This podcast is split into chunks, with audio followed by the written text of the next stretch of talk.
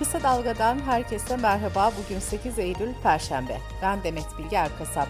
Gündemin öne çıkan gelişmelerinden derleyerek hazırladığımız Kısa Dalga Bülten başlıyor.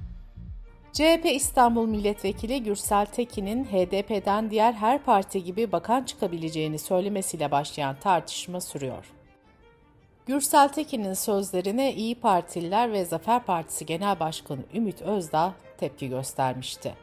İyi Parti Genel Başkanı Meral Akşener de HDP ile aynı masada olmayacaklarını belirtmişti. CHP'den de dün açıklama geldi. Parti sözcüsü Faik Öztrak, böylesine önemli bir konuda milletvekillerinin açıkladığı görüşler kendi kişisel görüşleridir, CHP'nin böyle bir görüşü yoktur dedi. Bu arada İyi Parti Yozgat İl Başkanı Metin Özışık ise Tekin'in açıklamasına tepki göstererek görevinden ayrıldı. CHP lideri Kemal Kılıçdaroğlu dün Ankara'da yaptığı açıklamada birlik beraberlik vurgusu yaptı. Kılıçdaroğlu toplumun kucaklaşması için ortam hazırladıklarını söyledi. Hiç kimsenin kimliğini, yaşam tarzını, inancını sorgulamadan huzur içinde yaşayacağımız bir Türkiye inşa etmeye çalışıyoruz diyen Kılıçdaroğlu şöyle devam etti. Bunu Millet İttifakı olarak yapıyoruz. Altı lideriz orada. Hepimiz bu ülkede barış, huzur istiyoruz. Şimdi kavganın değil, birlikte olmanın zamanıdır. FETÖ'nün şifreli haberleşme programı Baylon lisans sahibi olan ve silahlı terör örgütüne üye olmak suçundan yargılanan David Keynes'e gönüllü bilgi verdiği gerekçesiyle ceza verilmedi. Keynes'in 15 yıla kadar hapis isteniyordu. 2022-2023 eğitim öğretim yılı 12 Eylül'de başlıyor. Okul öncesi alışverişleri velileri zorlarken özel okullarda da fahiş fiyat artışları tepkilere neden oluyor. Posta gazetesinden Mehmet Gülderen'in haberine göre bazı özel okullar artan enerji ve gıda fiyatları nedeniyle yemek ücretlerine zam yaptıklarını velilere SMS'le bildiriyor. Habere göre bir okul velilerden 126 lira günlük yemek parası istedi. Türkiye Yemek Sanayicileri Federasyonu Başkanı Hüseyin Bozdağ bu büyük bir fırsatçılıktır diye tepki gösterdi. Türkiye Özel Okullar Derneği Başkanı Zafer Öztürk de bu okullar hakkında veliler haklarını aramalılar dedi. Türkiye Barolar Birliği yasalarda yer alan mesire alanları tanımı yerine orman parkları tanımını getiren düzenlemelerin iptali için Danıştay'da dava açtı. Barolar Birliği bu düzenlemelerin orman alanlarının işletmelere verilmesiyle yoğun yapılaşmaya açılmasına neden olabileceğini belirtti. İzmir'in Seferihisar ilçesinde tekerlekli tiny house için ruhsatsız olduğu gerekçesiyle verilen yıkım kararı ve 42 bin lira para cezası mahkeme tarafından iptal edildi. Meteoroloji Genel Müdürlüğü haftanın ilerleyen günlerine dair hava durumu tahminlerini paylaştı. Verilere göre önümüzdeki günlerde sıcaklık değerleri yükselecek.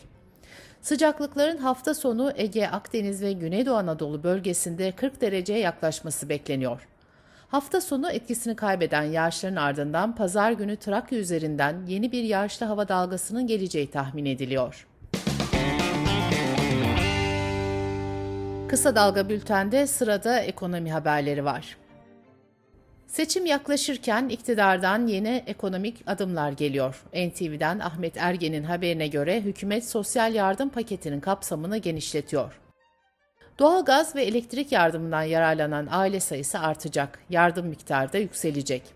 Eğitim hayata devam eden çocuklar için ailelere nakit yardım yapılması planlanıyor.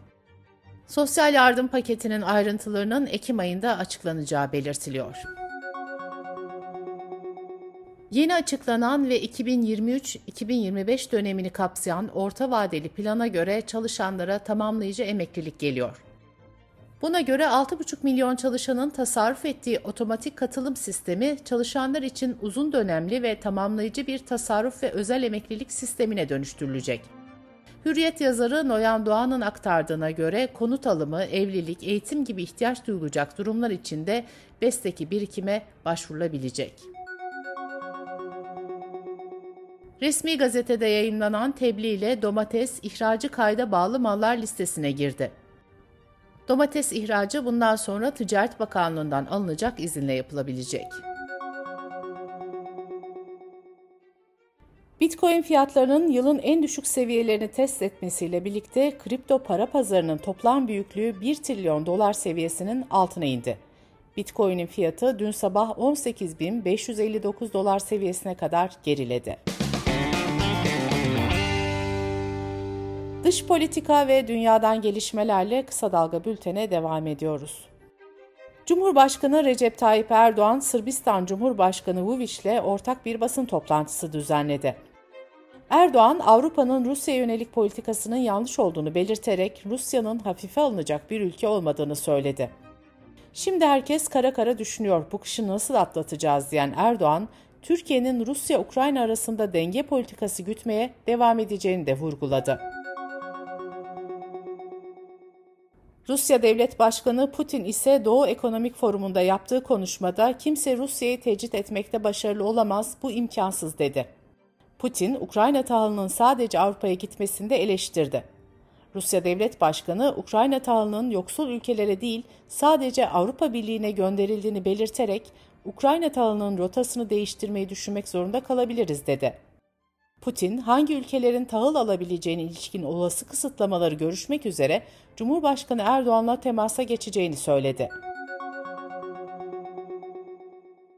Yunanistan'ı Ege Denizi'nde askerden arındırılmış statüye sahip adaları işgal etmekle suçlayan Cumhurbaşkanı Erdoğan'ın bir gece ansızın gelebiliriz sözlerini yinelemesinin ardından ABD Dışişleri Bakanlığı'ndan açıklama geldi.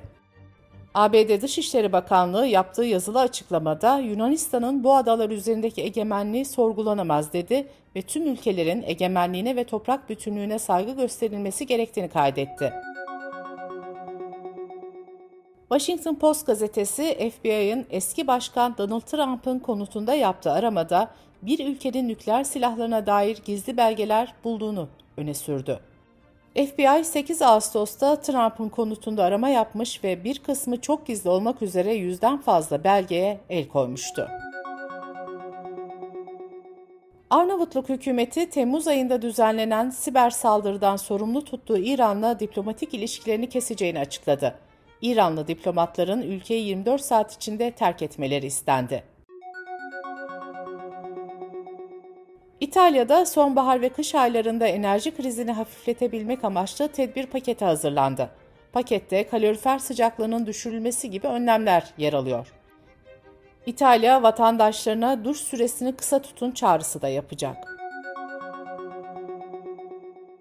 Pakistan'da etkili olan muson yağmurları nedeniyle Dünya Mirası listesindeki 4500 yıllık duvarların bir kısmı çöktü. Pakistan'da 14 Haziran'dan bu yana etkili olan muson yağmurları sonrası meydana gelen sel felaketi nedeniyle 1300'den fazla kişi de hayatını kaybetti. Binden fazla kişi de yaralandı. Felaketten etkilenen binlerce kişi de göç etmek zorunda kaldı. ABD Alerji ve Bulaşıcı Hastalıklar Enstitüsü, grip aşılarında olduğu gibi her yıl yeni varyantlara göre güncellenmiş COVID-19 aşıları olmamız gerekebileceğini açıkladı. Beyaz Saray COVID-19 direktörü de salgın bitmedi dirençli durmalıyız. Beklenmeyen durumlara karşı hazırlıklı olmayı sürdüreceğiz diye konuştu. Suudi Arabistan Netflix'ten İslami ve toplumsal değerlere aykırı tüm içerikleri kaldırmasını talep etti.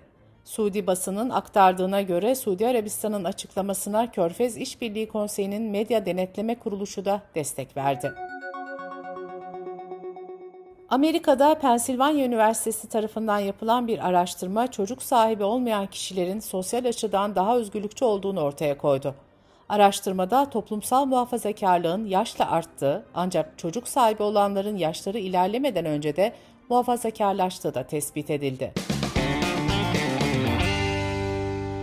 Bültenimizi kısa dalgadan bir öneriyle bitiriyoruz. Ekonomi nasıl kurtulur diye konuşulurken hep klasik formüller devrede. Oysa refahın daha eşit ve daha adil paylaşılabileceği bir düzen imkansız değil. Gazeteci Mehveş Evin arka planda yeşil ve mor ekonomi kavramlarını inceliyor. Mehveş Evin'in podcast'ini kısa dalga.net adresimizden ve podcast platformlarından dinleyebilirsiniz. Gözünüz kulağınız bizde olsun. Kısa Dalga Medya.